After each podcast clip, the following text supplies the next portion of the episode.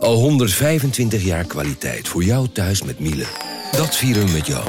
Ontvang nu tijdelijk een cashback tot 125 euro op veel Miele-apparatuur. Geniet van de kwaliteit van Miele. Voor perfect verzorgd wasgoed en kleding die veel langer mooi blijft. Voor een stralend schone vaat, even perfect als jouw diners. En een stofvrij thuis waarin echt hygiënisch schoon de standaard is. Check miele.nl voor alle feestelijke aanbiedingen. Hey podcastluisteraar. Ook op zoek naar een relevante invulling van je schaarse luisteruren? Tune dan in op de podcastserie ESG, even samengevat van BNP Paribas. Wij, Marloes en Aldert, spreken daar duurzame voorlopers en wereldverbeteraars. Waarover dan? Nou, bijvoorbeeld of we ooit duurzaam kunnen gaan vliegen. En waarom koeien in de stad nou een goed idee is? Dat en meer elke twee weken in een nieuwe aflevering. Dus abonneer je. ESG, even samengevat.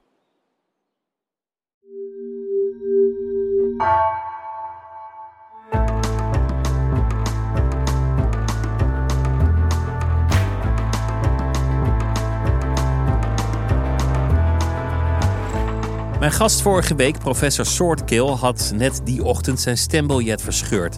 Geen vertrouwen meer, geen puff, alles blijft toch maar bij het oude.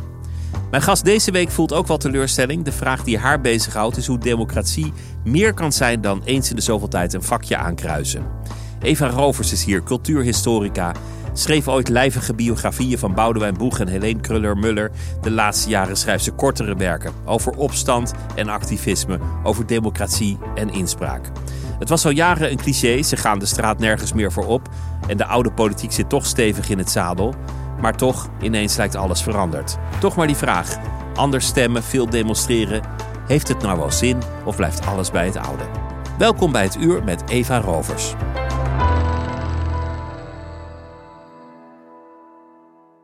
Eva, welkom. Wat leuk, wat leuk dat je langs wilde komen. Nou, dankjewel. Bedankt voor de uitnodiging. Leuk om hier te zijn. Het is eigenlijk een heel, heel wonderlijk pad dat je, dat je hebt bewandeld. Van, van lijvige biografieën over nou ja, uh, Kruller, Muller, uh, Boudewijn Bug. Naar, naar veel dunnere boeken. En, en heel erg toegespitst op democratie, activisme, inspraak, bestuur. Het, Ja. het is een heel ander thema geworden. Eh, ja, ja en nee.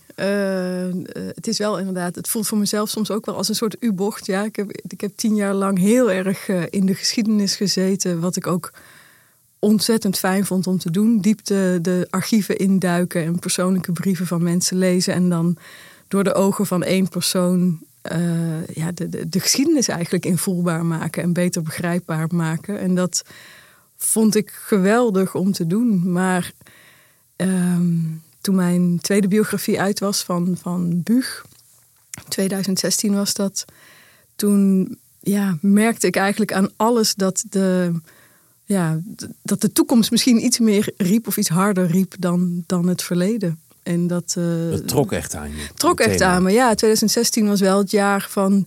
Nou ja, alle vreselijke klimaatrecords werden dat jaar voor het eerst gebroken. Of voor het eerst in ieder geval. Het was zo'n opeenvolging van hoogste temperaturen, grootste afsterving van koraal, hoeveelheid poolijs dat smolt. Het, het ging maar door.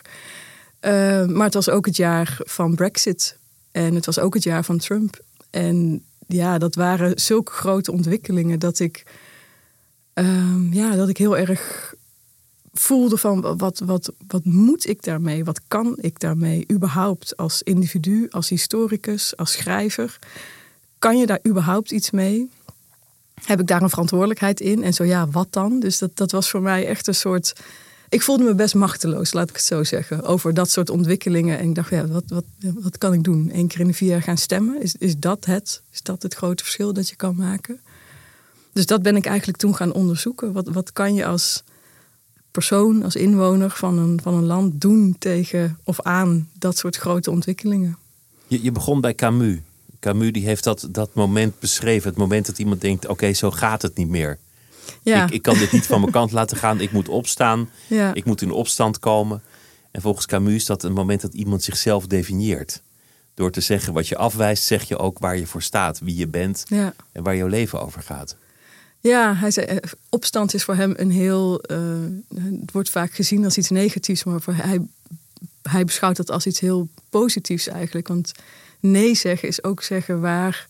Hè, welke grens wil je beschermen? Welke waarden wil je beschermen? Wat, wat, wat is belangrijk voor je in het leven? En dat, ehm, ja, ik vond dat een hele mooie, mooie interpretatie inderdaad. En ook het besef, hij noemt dat het klaarlichte denken. Dat ehm, eh, ja, beseffen dat het echt anders kan. Je niet neerleggen bij een situatie zoals die is, maar beseffen dat het echt hij, ja, soort wild fantaseren eigenlijk over durven denken over hoe de wereld er ook uit kan zien. En dat, ja, dat vond ik wel een hele inspirerende invalshoek. Ja. Wat, wat, is dat klaarlichte denken?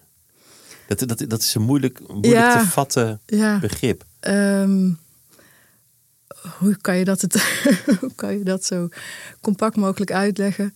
Het is eigenlijk een soort, ehm, zoals, zoals Camus het beschrijft, een, het denken dat zich niet laat inperken door dogma's of door kaders, dat niet per se naar een antwoord zoekt of naar een, uh, naar een, een vast omlijnd duidelijk antwoord, maar veel, meer, veel onderzoekender is en, en open staat en geen oordeel vormt, maar eigenlijk vooral wil begrijpen. En dat, ja, dat is iets, denk ik, in zeker in deze tijd, waar het nog wel eens aan ontbreekt. Uh, willen heel graag recht toe, recht toe, recht toe antwoorden op, ehm, op hele complexe problemen.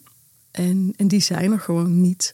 En dat, dat maakt dat we ja, misschien ook vaak ons, ons hoofd in de kop in het zand steken en denken van we willen wegkijken. Of een heel duidelijk antwoord. En dan maar geloven in een antwoord wat misschien niet uh, helemaal de, de werkelijkheid recht doet. En dat, ja, dat, dat klaar ligt te denken waar Camus het over heeft. Vooral dat het uh, niet per se meteen een oordeel erover willen hebben, maar het vooral willen begrijpen.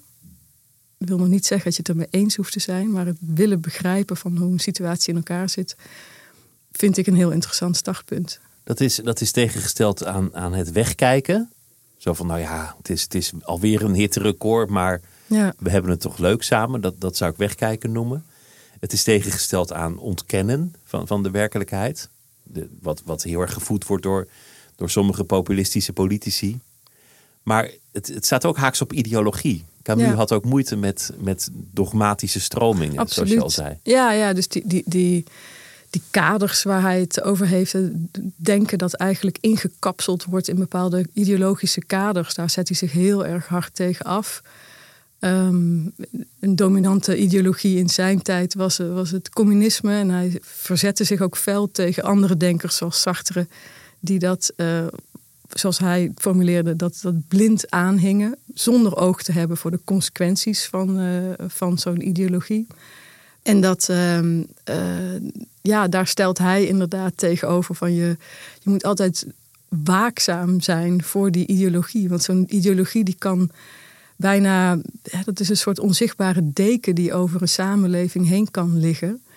En dat kan zo vanzelfsprekend lijken dat je het, dat je het eigenlijk niet meer ziet en dat je het voor waar aanneemt. En dat is iets, denk ik, waar we, ehm, waar we ook. Hè, het lijkt heel erg alsof we in een, in een ideologievrije tijd leven. Met de val van de muur zijn de grote ideologieën ten einde gekomen, wordt wel eens gezegd.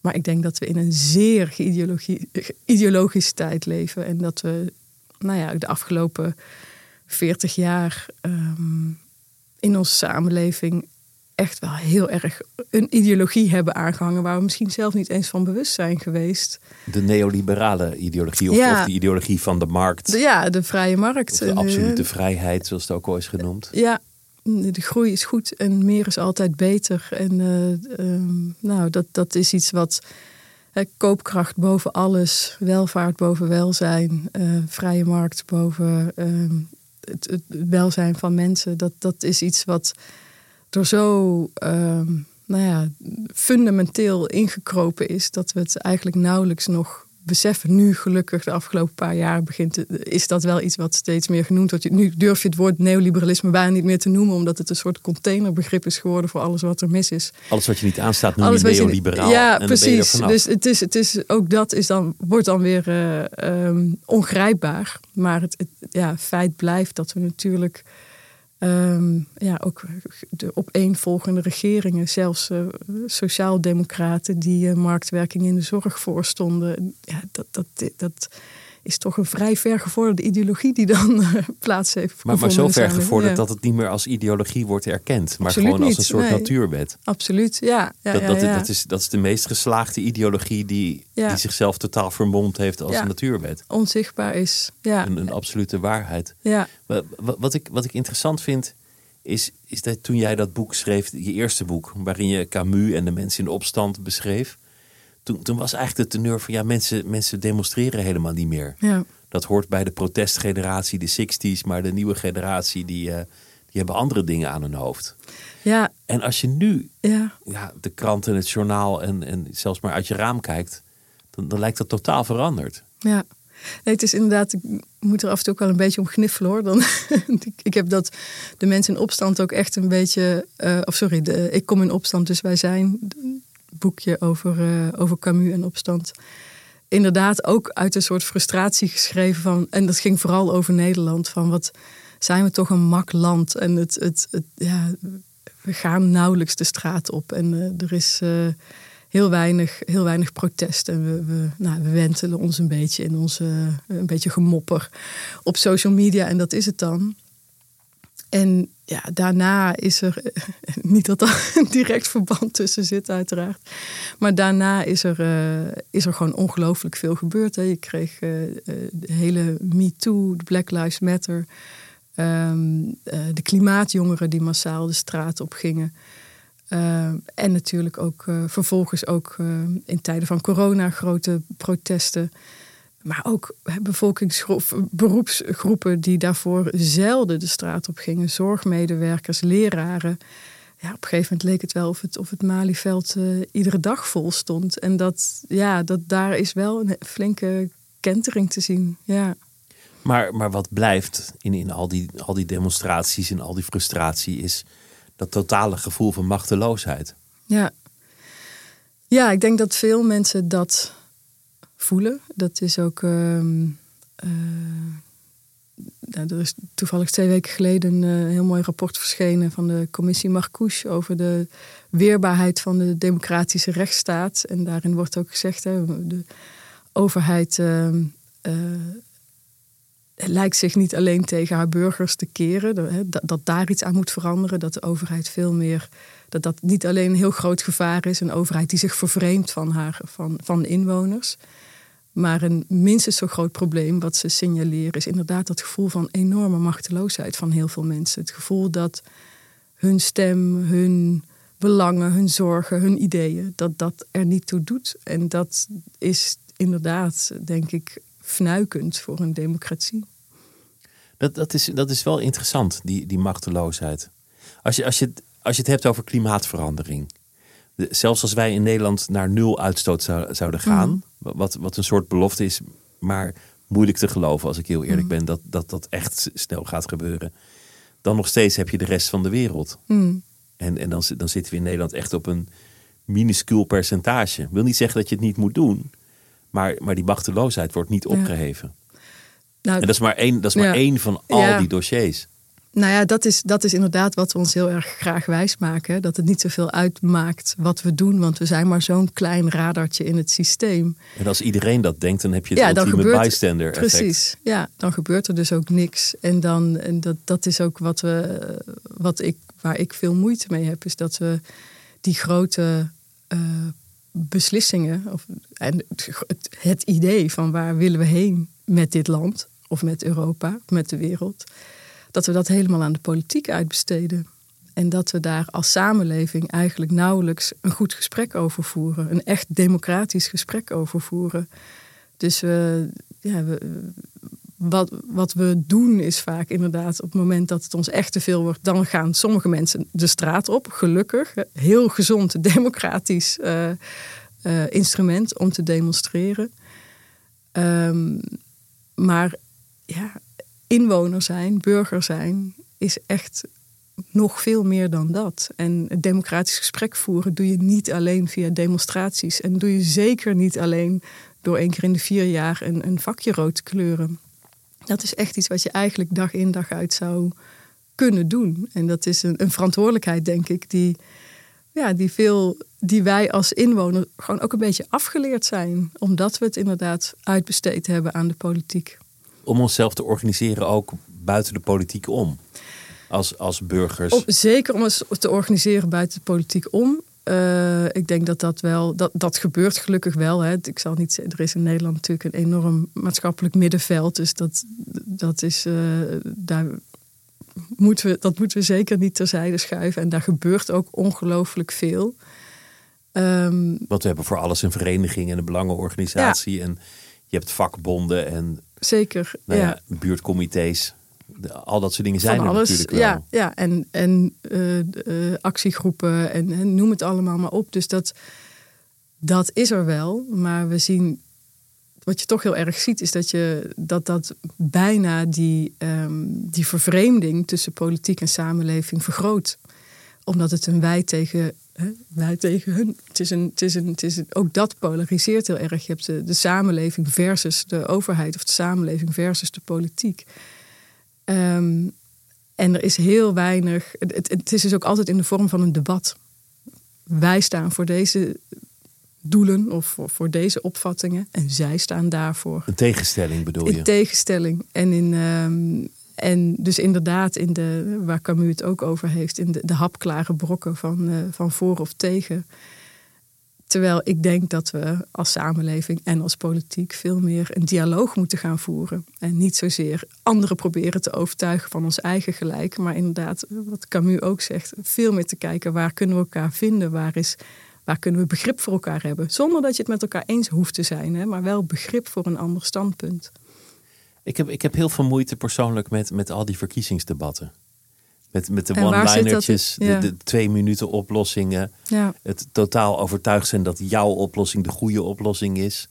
Um, ook, ook wel de makkelijke frames en leugens, het gebrek aan nuance. Mm. Ik, ik, ik, voel dat er een soort dédain naar de, de kiezer of het publiek in zit. Ik denk dat de mensen intelligenter zijn dan dat. En ik wil niet, ik wil niet zeg maar cynisch doen over de politiek, want het zijn allemaal mensen die daar volgens mij met de beste bedoelingen zitten. Of dan laten we daar maar mm. vanuit gaan. Het, het, ligt ook aan de journalistiek. Die, die, die zijn deel van het plot. Maar ja, we zitten gevangen in een soort, soort gemakkelijkheidsmachine. En dan ga je stemmen. En dan, je weet helemaal niet wie er met wie een coalitie aangaat. En, en dan de, welke compromissen daar dan weer komen. Ja.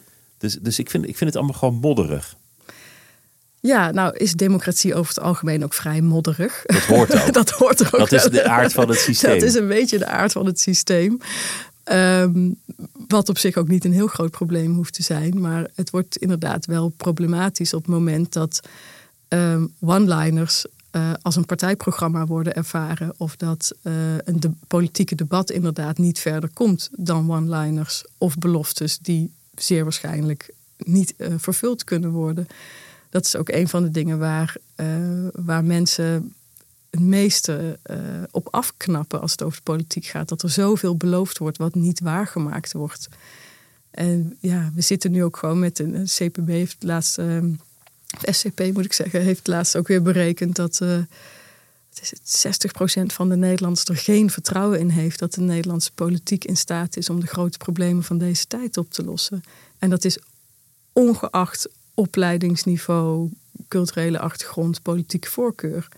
Dus meer dan de helft van de Nederlanders heeft daar geen vertrouwen in.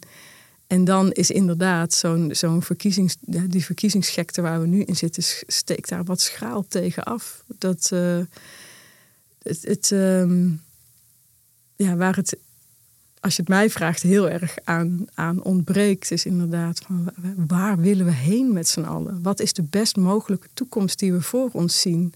Maar het blijft heel erg in het hier en nu. Het blijft inderdaad heel erg op de, ja, de snelle oplossingen. Welke fix kunnen we voor, deze, voor dit probleem bedenken? Er zijn problemen veel te complex voor. Dus we moeten ook niet doen alsof daar een makkelijke, makkelijke oplossing voor is. En dat, in die zin ben ik het wel met je eens dat het een soort onderschatting van, van inwoners lijkt te zijn. Van ja, we moeten het allemaal maar zo simpel mogelijk uitleggen en doen alsof die hele complexe wereld heel eenvoudig is. En dan zullen mensen wel op ons stemmen. Maar daar zijn mensen inderdaad gelukkig toch echt wel te slim voor. Maar en, het, alles korte termijn, dat, dat is ook Heel erg korte termijn. Ja, dat is echt dat is een fundamenteel probleem. Er zijn eigenlijk maar twee partijen, kleine partijen ook nog eens, die echt radicaal voor, uh, voor die langere termijn pleit en daar ook concrete voorstellen voor doen. Maar het overgrote deel van de programma's is echt heel erg gericht op wat is er in het recente verleden gebeurd waar we iets mee moeten en uh, echt in het hier en nu. en dat is belangrijk. Dan? Welke twee kleine partijen zie jij de lange termijn nog omarmen? Ja, nou, dus, uh, je hebt Volt die vrij duidelijk uh, is, in, die ook heel nadrukkelijk zegt van we moeten veel meer naar die lange termijn kijken. We moeten zorgen dat een generatietoets waar al heel lang over gesproken wordt, dat het ook echt daadwerkelijk doorgevoerd wordt. Dat toekomstige generaties ook veel meer beschermd worden in, in de beslissingen die we vandaag nemen. Uh, maar ook een partij als Partij voor de Dieren, die uh, heel nadrukkelijk zegt van ja, we hebben een, uh, een, een, planeet te beschermen. En dat gaan we niet doen in de komende vier jaar. Daarvoor moeten we echt goed nadenken over wat er de komende jaren, decennia zelfs nodig is. Um, en ja, dan, dat, dat, wordt dan vaak ook weggezet als, als, als idealistisch of als utopisch. Maar ik zou het toch heel interessant vinden om van de VVD te horen hoe ze Nederland in 2060 zien. Of van D66. Of, hè, dat, dat, zijn, dat zijn echte vragen waar je het ook over moet hebben. Waarmee ik niet wil zeggen dat het hier en nu niet belangrijk is. Hè. Begrijp me niet verkeerd. Maar het is allemaal belangrijk. dat is ja, net het probleem. Ja, dat is de complexiteit. Ja, dat is de complexiteit. En er wordt vaak, dat is ook een beetje de, de klem waar veel politici uh, in zitten, is dat ze, ze zitten gewoon met die hele korte verkiezingstermijn van vier jaar. Dus je moet iedere vier jaar herkozen zien te worden en het liefst met zetelwinst.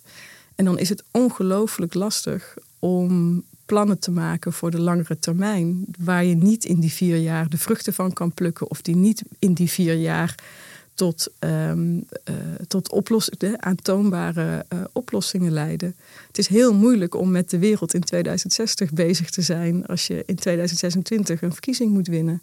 Het hier en nu, de hype van de dag. Uh, het volk vraagt via social media een onmiddellijke oplossing voor, de, voor de dagelijkse problemen. Zo, zoiets als corona is natuurlijk gigantisch. Ja. Dat vraagt een urgente oplossing. Dat slokt alle aandacht op. Ja. Voor, voor, voor drie jaar ja, is het hele bedrijf verlamd ja. door, door zo'n virus. Ja. Nou ja, dat, is een heel, dat is dus een heel interessant voorbeeld. Omdat je dat de Wereldgezondheidsorganisatie en met hen talloze uh, wetenschappers al jaren riepen: landen, bereid je voor op een pandemie. Want dat kan ieder moment gebeuren. Maar dat vraagt van regeringsleiders en van overheden dat ze zich voorbereiden op een situatie die in het hier en nu misschien heel veel geld gaat kosten, maar die niet zich binnen vier jaar kan bewijzen, omdat het, dat virus misschien pas over zes jaar de kop opsteekt. Dus dat is door.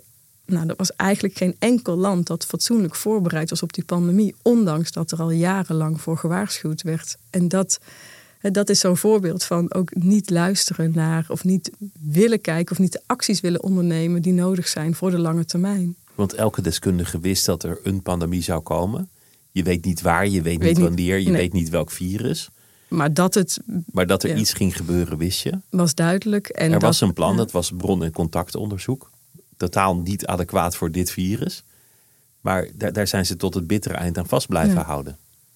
Ja, terwijl ik denk inderdaad, dit zijn voorbeelden waarvan je, waar je als, als een overheid ja, ook de, de verantwoordelijkheid moet nemen om daar Ehm, een heel ja, degelijk plan en een strategie op te ontwikkelen. En ook in te investeren. Ook als dat dus in jouw uh, regeertermijn zich niet gaat terugbetalen. Maar ja, ik, het is heel wonderlijk, vind ik, om te zien hoe de. Er is al. Er zijn al veel inwoners in het hier en nu die niet gehoord worden en niet vertegenwoordigd worden en, en zich uh, eigenlijk tweederangs burgers voelen met heel weinig invloed. Um, maar dat geldt in nog veel sterkere mate voor inwoners in de toekomst. Mensen die de komende 10, 20 jaar geboren worden, die hebben helemaal geen stem. En daar wordt verrekte weinig rekening mee gehouden in het beleid wat op dit moment wordt gemaakt. Maar hoe, hoe onttrek je je bestuur kennelijk aan deze blikvernauwing Want, want ze worden geregeerd door, door voorlichters, die worden geregeerd door journalisten.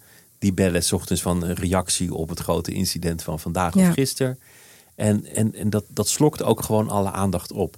Ja. En daar zit ook het electoraat, niet te vergeten. Dus, dus Nou, hoe doorbreek je dat? Ja, dat laatste is dus de vraag. Want het, electo het electoraat, je kan je afvragen wat het electoraat is. En het, het electoraat wordt ook gevormd door het, eh, het- door het, de politiek, door het politieke debat. Ehm, en dat, ja, dus ik denk als je als politiek in staat bent om ook dat lange termijn gesprek te voeren, dan help je inwoners, het electoraat ook, om daar ook op die manier over na te denken. En dat gebeurt ook al in sommige landen. Dus er, je kan bijvoorbeeld ehm, een heel, heel eenvoudige is ieder jaar een toekomstdebat organiseren in de Kamer. En zorgen dat je als, als parlement dat gesprek over de toekomst aangaat. Ehm, in eh, Wales bijvoorbeeld is heeft het parlement een commissaris voor de toekomst aangewezen. In eh, Hongarije is er een ombudspersoon voor toekomstige generaties. In Finland een parlementaire commissie voor toekomstige generaties. Dus er zijn alle, dat, zijn nog, dat zijn nog vrij institutionele ehm, eh, vormen die je kan kiezen. En die ook niet heel erg ingewikkeld zijn. Waarvan het wel heel belangrijk is dat die personen of commissies dan ook daadwerkelijk zeggenschap natuurlijk hebben. Dat er niet overheen gewalst kan worden. Maar het gaat verder dan dat. Ik denk dat we ook als samenleving veel meer dat gesprek moeten voeren. Dat we, eh, en niet alleen op de social media, maar eh, het, eh, het ouderwetse gesprek bij elkaar aan dezelfde tafel, elkaar in de ogen kunnen kijken. Want op En- social media escaleert het. Ik, ik, ik ben ervan overtuigd dat we alle problemen in de wereld kunnen oplossen, maar niet aan een talkshowtafel en niet op social media. Nou, Dat zijn net de twee plekken waar we er niet uit zullen komen. Nou, dat ligt eraan hoe een talkshowtafel georganiseerd wordt. Nu is het heel vaak zo, er wordt een, een eh, heel plat gezegd een voorstander en een tegenstander uitgenodigd. En die mogen alle twee een soort monoloog afsteken. En dat is het dan. En als kijker blijf je een beetje verdwaasd achter. En ben je echt helemaal niets eh, wijzer geworden. Plus dat je ook daar weer het voorbeeld krijgt van het gaat dus alleen maar over zenden. En over jou een ander proberen te overtuigen van jouw perspectief. En dat is inderdaad ook een beetje wat, of een beetje, dat is ook wat natuurlijk op social media gebeurt. Het gaat heel erg over het, het- gewoon het wel eens niet spelletje. En ehm, dat is in sommige situaties waardevol, maar in heel veel situaties, en zeker met de, eh, ja, de problemen, de complexe problemen waar we als samenleving en als wereld voor staan, is dat gewoon niet voldoende. Want zo simpel is de werkelijkheid gewoon niet. Of het nou gaat over gezondheidszorg, over het klimaat, over stikstof, over migratie, over wonen, over kunstmatige intelligentie. Dat zijn allemaal onderwerpen waar, we, waar veel meer over te zeggen is dan of je voor of tegen bent, of het meer of minder moet. Het, eh, het vraagt dat we daar een, als samenleving met de politiek een gesprek over voeren en niet alleen maar een debat. Een echt gesprek. Een echt Maar gesprek. Je, je, ja. je hebt veel vertrouwen, daar heb je over, over geschreven in, in burgerfora, Burgerberaden, ja. burgerberaden, Ja, in, in, ja. in allerlei andere vormen van participatie, wat op lokaal niveau vaak gebeurt. Wat, wat vaak het probleem is, je, je kan een, een groep burgers bij elkaar zetten, kijk hier eens naar. Hoe denken jullie hierover? Je kan het vergelijken met een soort juryrechtspraak, maar dan over, over politieke casussen, denk ik. Ehm, nou, over maatschappelijke casus. Ehm, een burgerberaad is inderdaad een, eh, een geloten groep inwoners. Meestal zo 100, 150 mensen die een goede dwarsdoorsnede van de samenleving vormen. En die gaan inderdaad met elkaar het gesprek aan. Die komen vijf, zes, zeven dagen samen. En die buigen zich over dat probleem. Hè. Of het nou gaat over. In Ierland is een heel bekend voorbeeld: een burgerberaad over de eh, abortuswetgeving.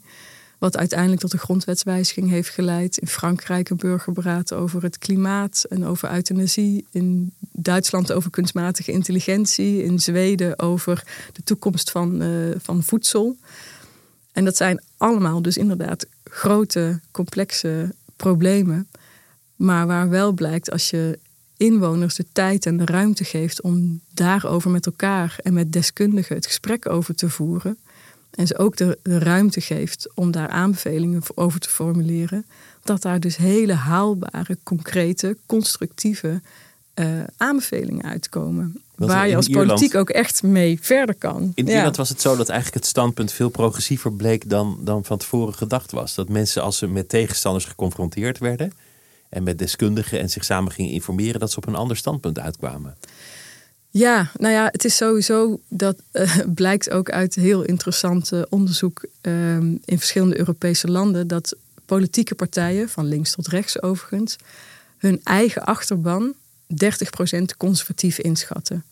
Dus sowieso denken politici dat hun achterban conservatiever is dan dat ze eigenlijk zijn. Dus dat vind ik al een heel interessant gegeven. Um, en in Ierland was het zo dat die abortuswetgeving al decennia tot heel veel verdeeldheid leidde, zowel politiek als in de samenleving. En dat inwoners op een gegeven moment tegen de politiek hebben gezegd: laat ons helpen, want blijkbaar komt de politiek er niet uit. Um, en toen is er inderdaad een burgerberaad georganiseerd. Vijf weekenden lang kwamen mensen samen.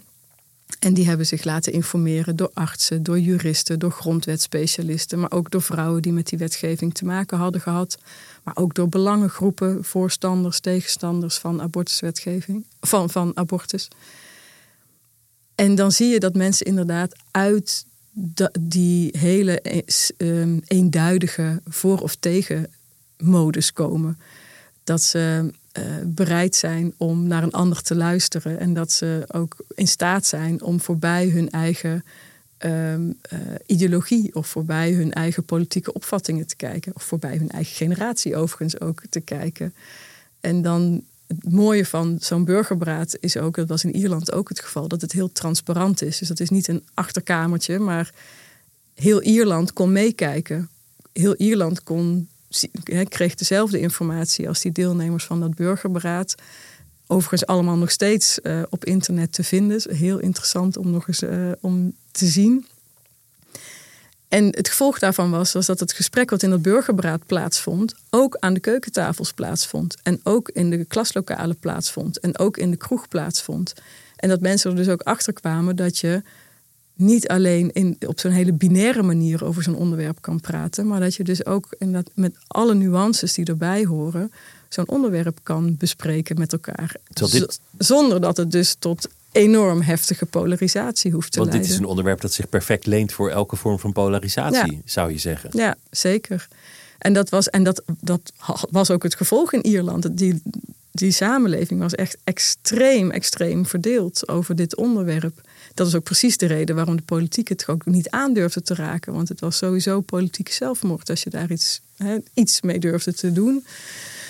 Um, en, dus, ja, en dan zie je dus als je, als je dat democratisch gesprek wel aangaat en een samenleving de kans geeft om dat te voeren, dat mensen um, niet tot hele gekke, extreme uh, oplossingen komen. Maar dat ze, dat ze gewoon tot hele constructieve ideeën komen die ook het algemeen belang delen. En dus niet zozeer alleen het eigen belang. Maar je moet dan wel de moed hebben als bestuur om er ook echt iets mee te doen. Absoluut, nee, zeker. Daar ontbreekt het vaak aan. Dan, dan, wordt, er, dan wordt er een, een referendum of een burgerberaad georganiseerd. En dan uiteindelijk wordt er gewoon helemaal niet naar geluisterd. Of lag het plan al lang klaar. Ja. Nee, zeker. Want dat, dat is wel waar, waar een burgerberaad zich onderscheidt van andere vormen van uh, participatie. Is dat het heel vroeg in het proces moet worden ingezet. Dus je gaat dat niet doen als de plannen al klaar liggen. Ik zeg dat ook heel vaak van echt doe het goed of doe, doe het niet. Dus ga niet in. Geldt overigens voor andere vormen van participatie ook. Ga, doe dat niet. Als je al weet dat die windmolens te komen, heeft het niet zoveel zin meer om daar een inspraakavond over te organiseren. Dan ga je mensen alleen nog maar meer van je vervreemden. Dus doet het echt op een moment dat er nog iets op het spel staat. En dat er nog iets te kiezen valt.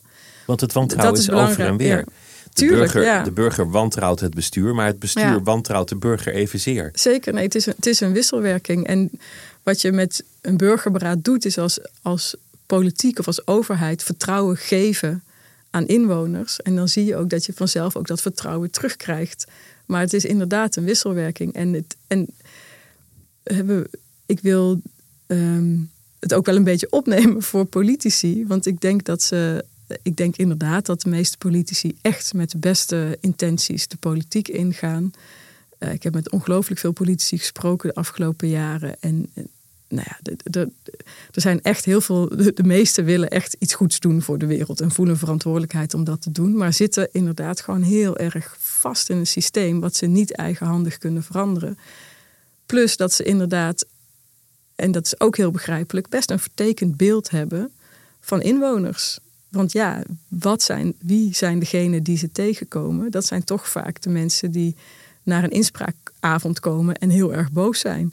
Of degene die uh, zich op, op uh, social media op niet al te enthousiaste wijze uiten. Dus er, is een, er bestaat ook een beeld van een hele boze burger.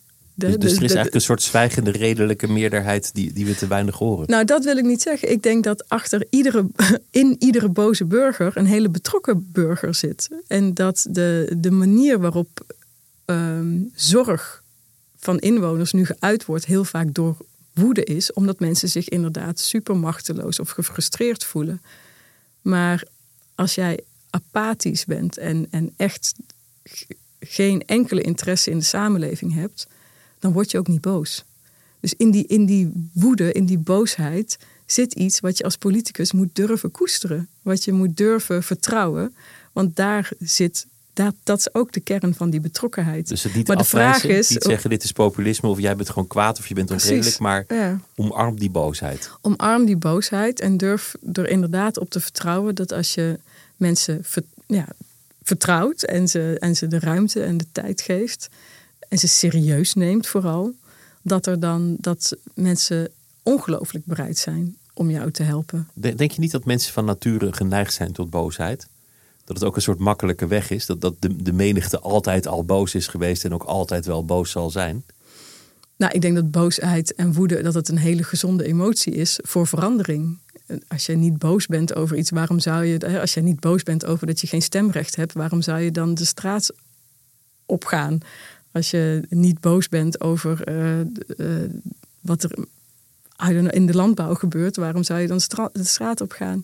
Door alle grote maatschappelijke ontwikkelingen zijn natuurlijk uit, uit woede voortgekomen. Vrouwen die geen stemrecht hadden, uh, uh, burgerrechtenbewegingen, uh, klimaatprotesten.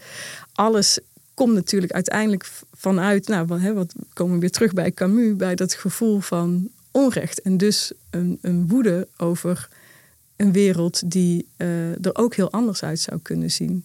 En dat is denk ik een hele uh, gezonde drijfveer. Alleen dat is wel de, de, dat is de eerste stap.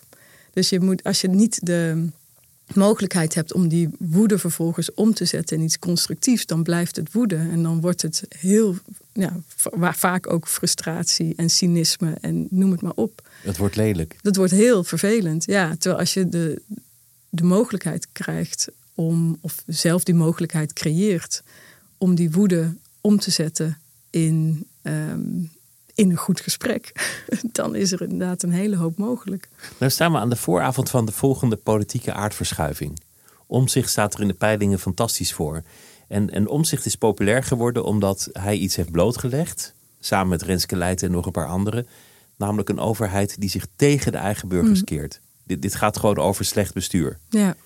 Um, er zit een soort belofte in om zich van we gaan het helemaal anders doen. Ja. Hij belooft goed bestuur. We hadden daarvoor een nieuw leiderschap van Kaag. Daar heb je ook nooit meer wat van gehoord van dat nieuwe leiderschap eigenlijk. En uiteindelijk zal om zich moeten gaan formeren. En dan komt hij waarschijnlijk uit, als je naar de peilingen kijkt, bij de VVD en misschien wel de PVV. Dat, dat, dat is natuurlijk een heel raar iets. Dus je ziet de volgende teleurstelling alweer bovendrijven. Nou ja, wat, wat ik, ik denk dat de, in de formatie gaan we, gaan we omzicht en gaan we de uh, eh, NSC echt leren kennen. Dan weten we pas waar die echt voor Dan staat. ja, want dat is een beetje het probleem nu. Ja, hij is voor uh, een beter bestuur en voor een grote schoonmaak in het huis van Thorbecke. Maar wat dan? Wat als we dat ordentelijke bestuur hebben? Wat dan? Waar gaan we dan heen? Hoe, wat, wat, zijn dan, wat zijn dan de vergezichten? Dat, dat wordt helemaal niet duidelijk. En dat, een, ehm, dus dat zal in de formatie moeten blijken. En ik, ja, ik, ik vind het, ik, wat ik overigens ook heel interessant vind, uh, of wonderlijk vind in, uh, in zijn uh, programma, is dat hij inderdaad zo vol is van bestuurlijke vernieuwing en, en vooral verbetering.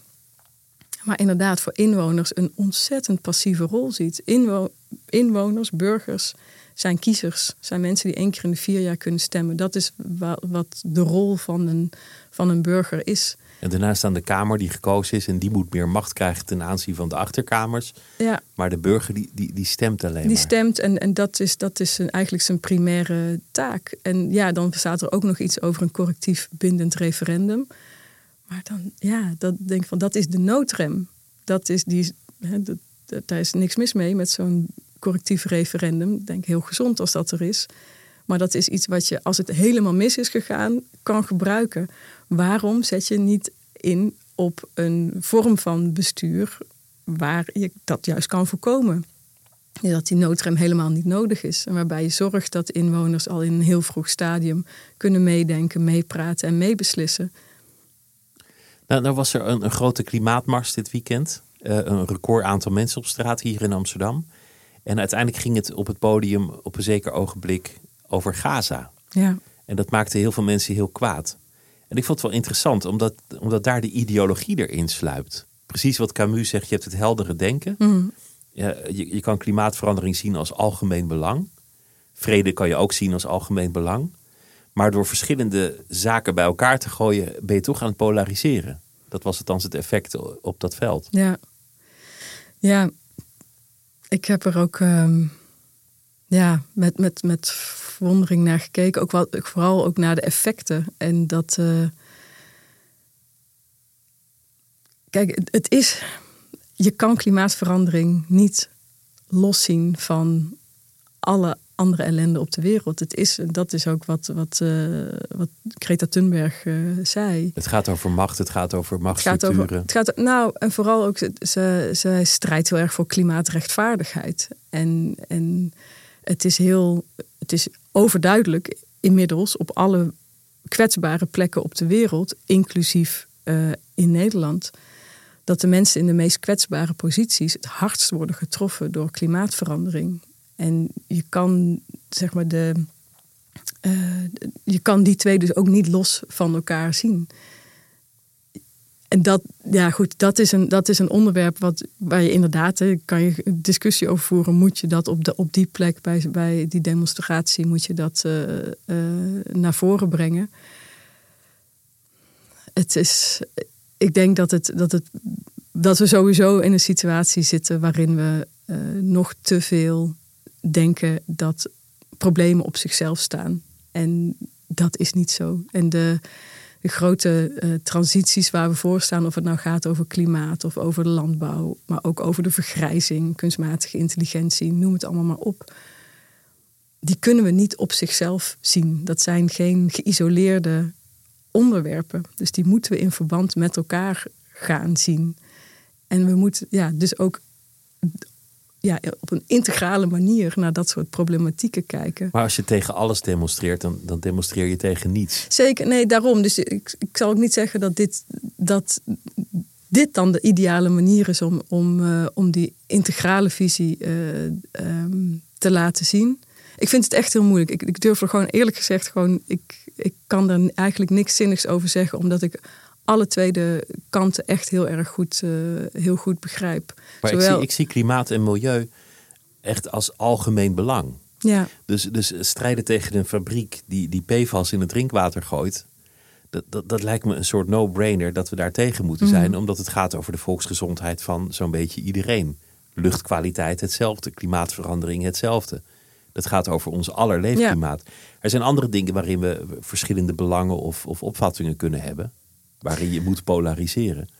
Maar, maar over dit soort dingen zou je toch zeggen, ja jongens, maar het gaat verder we met dan, z'n allen naar ja, gaan kijken. En, maar het gaat verder dan dat, hè, want hoe komt het dat een, dat een bedrijf in staat is om jarenlang die PFAS te lozen in, in ons water? Hoe kan dat? Hoe zit, zit onze economie, hoe zit ons, uh, onze samenleving in elkaar? Hoe zit onze wetgeving in elkaar? Dat de overheid akkoord gaat met zelfrapportage.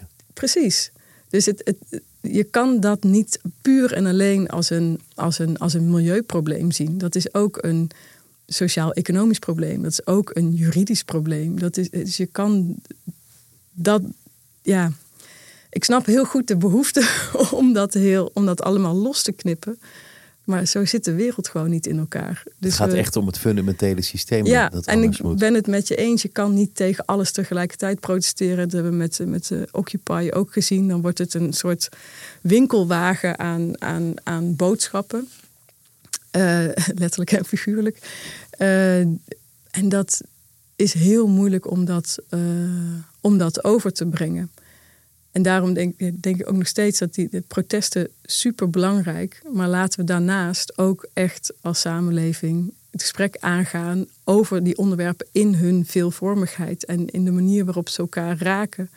Omdat we, dat is namelijk ook echt een, een ander probleem als het nu gaat over de, hè, de energietransitie bijvoorbeeld.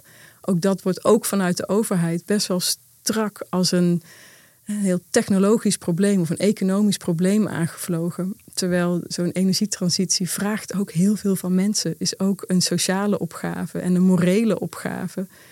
En zolang we ja, dit soort onderwerpen alleen maar vanuit één hoek benaderen, gaan ze op andere plekken enorme problemen veroorzaken. Dus je zal toch een soort holistische aanpak moeten durven formuleren om met dit soort onderwerpen om te gaan. Het woord heet dan visie. Wat, wat in jouw leven is veranderd is ineens dat je activistisch werd. Dat je van biograaf naar, naar nou ja, schrijver over, over dit soort casussen ging. Maar ook, ook een liefde voor de natuur die in je leven is gekomen.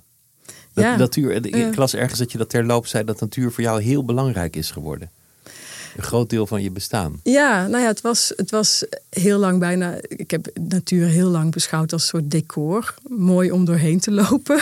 Of om langs te rijden op een snelweg. Ja, door met de trein doorheen te tuffen. Dat, eh, en dat, dat is wel heel erg veranderd, ja. Dus dat, en ook wel, dat is ook wel door die.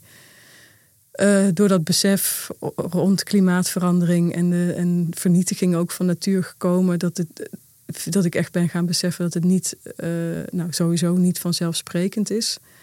Ehm, maar ook, eh, nou, mijn vriend is een enorme wandelaar en die heeft me echt eh, nou ja, ja, laten zien hoe het is om, om, ja, om, om groot, ja, echt grote wandelingen in de onherbergzame natuur te maken.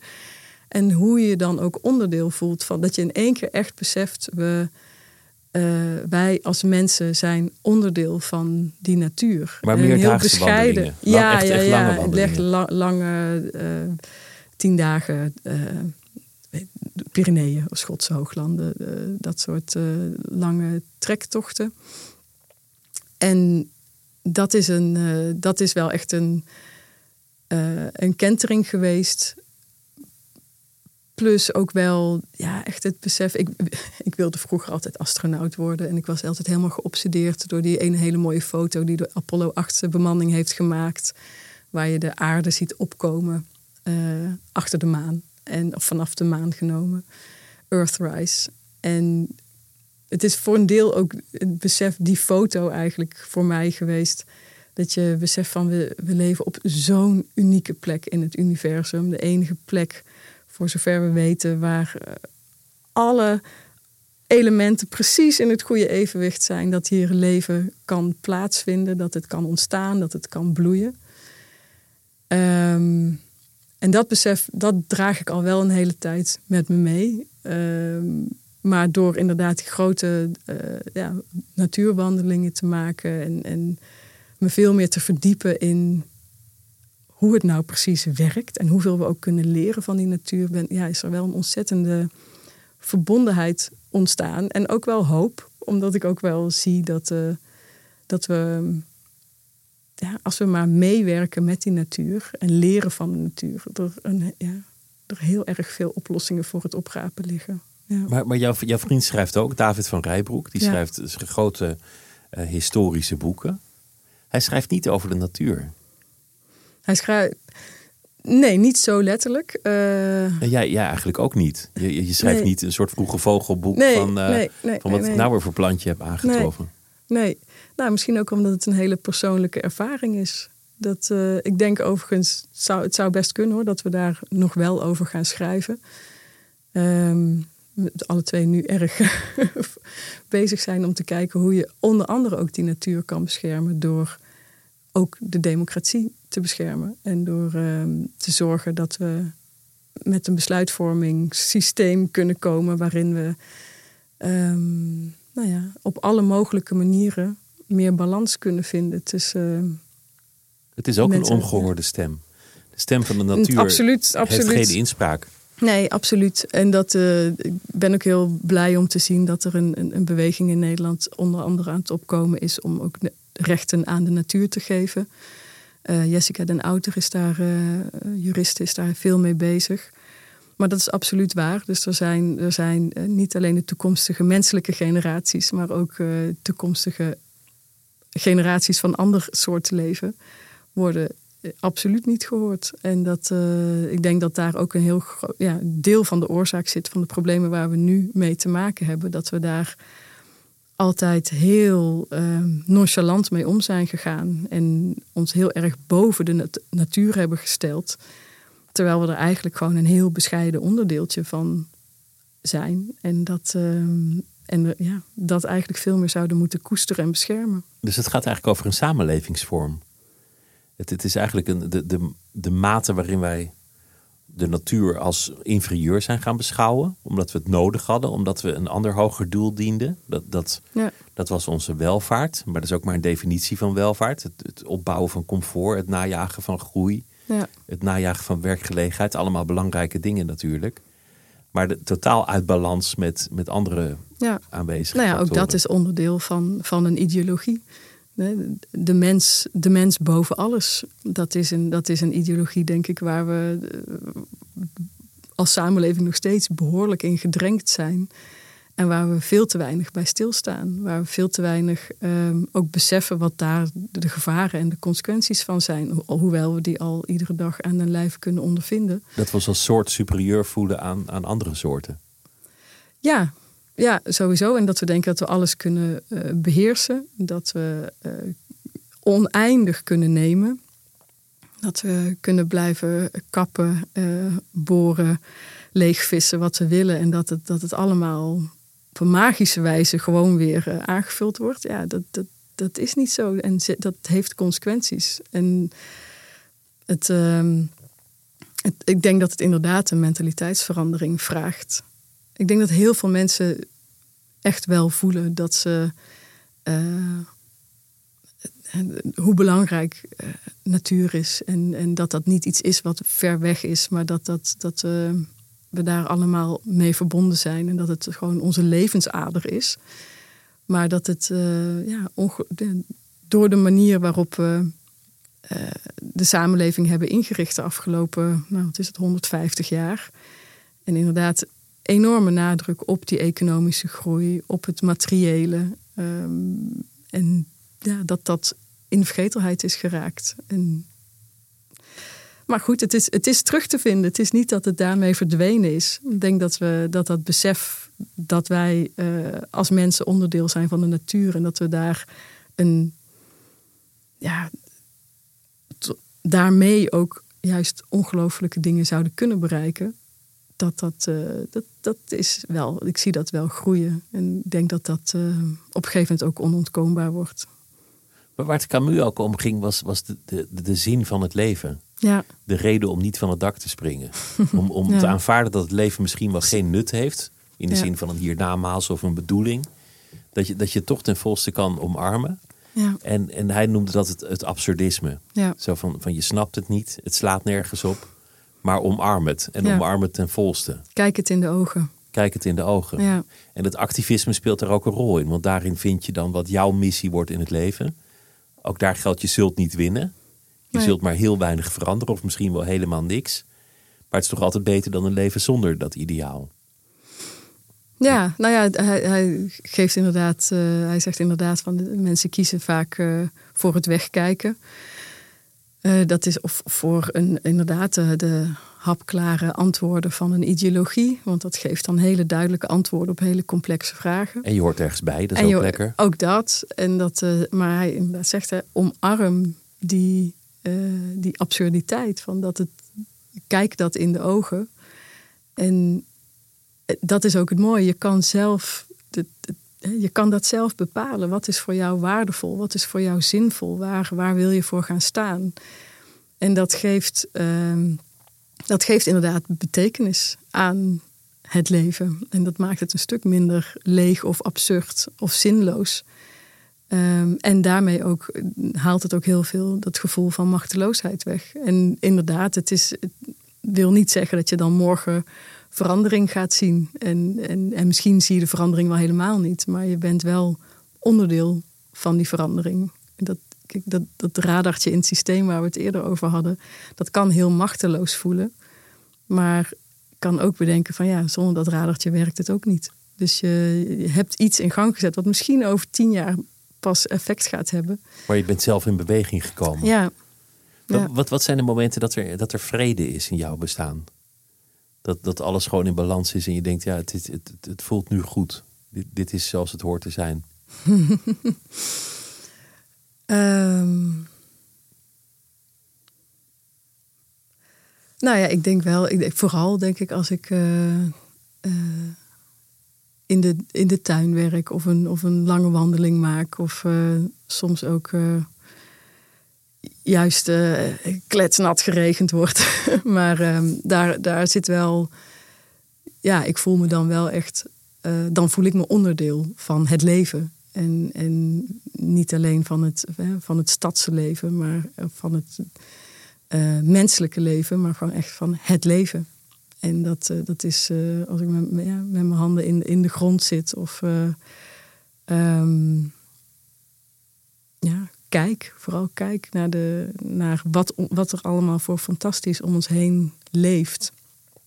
En dat we daar, uh, ja, dat we daar getuigen van mogen zijn, dat vind ik, uh, dat geeft wel vrede. Ja. Maar ik, ik, kan me zo voorstellen, dan zit je in een, in een tentje en dan, dan regent het, dus dan, dan kan je niet echt verder wandelen misschien. En dan, dan zijn de muesli-repen op en het tentje begint een beetje te lekken. Ja. En, en je bent misschien ook wel een beetje de weg kwijt. En je hebt elkaar ook niet echt meer iets te vertellen. En je hebt pijn aan je voeten, je hebt blaren.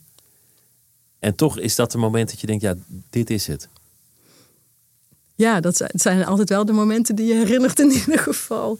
Nou ja, juist wel omdat je misschien op dat moment echt midden in het leven staat. Omdat je ook voelt van oké, dit kan ook heel erg misgaan. En dat, dat uh, ik heb dat in hele extreme mate één keer uh, meegemaakt toen ik uh, bijna verdronk in de, uh, in de Zuid-Chinese zee, meegenomen door de onderstroom.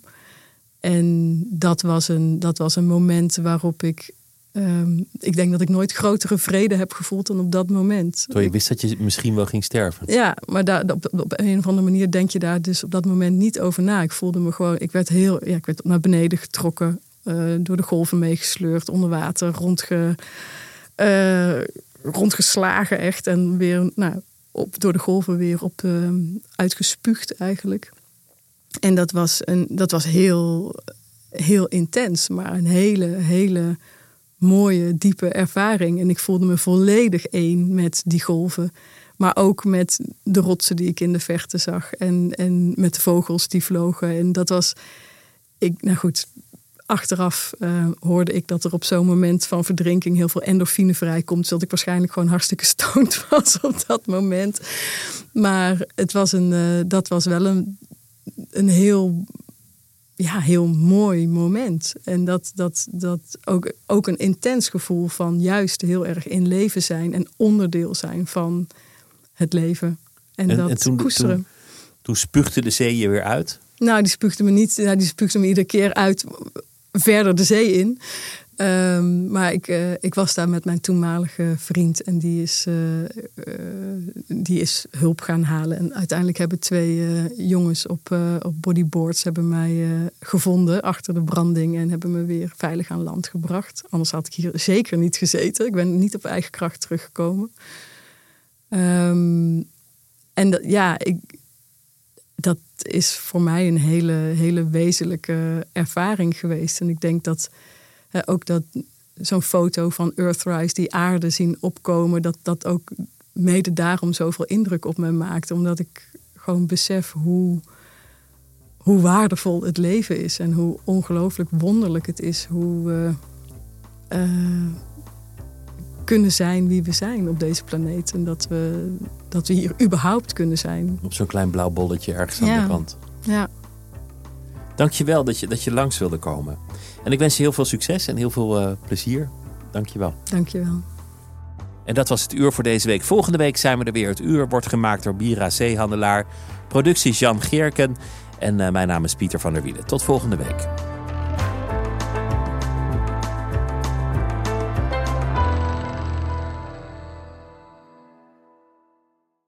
Technologie lijkt tegenwoordig het antwoord op iedere uitdaging.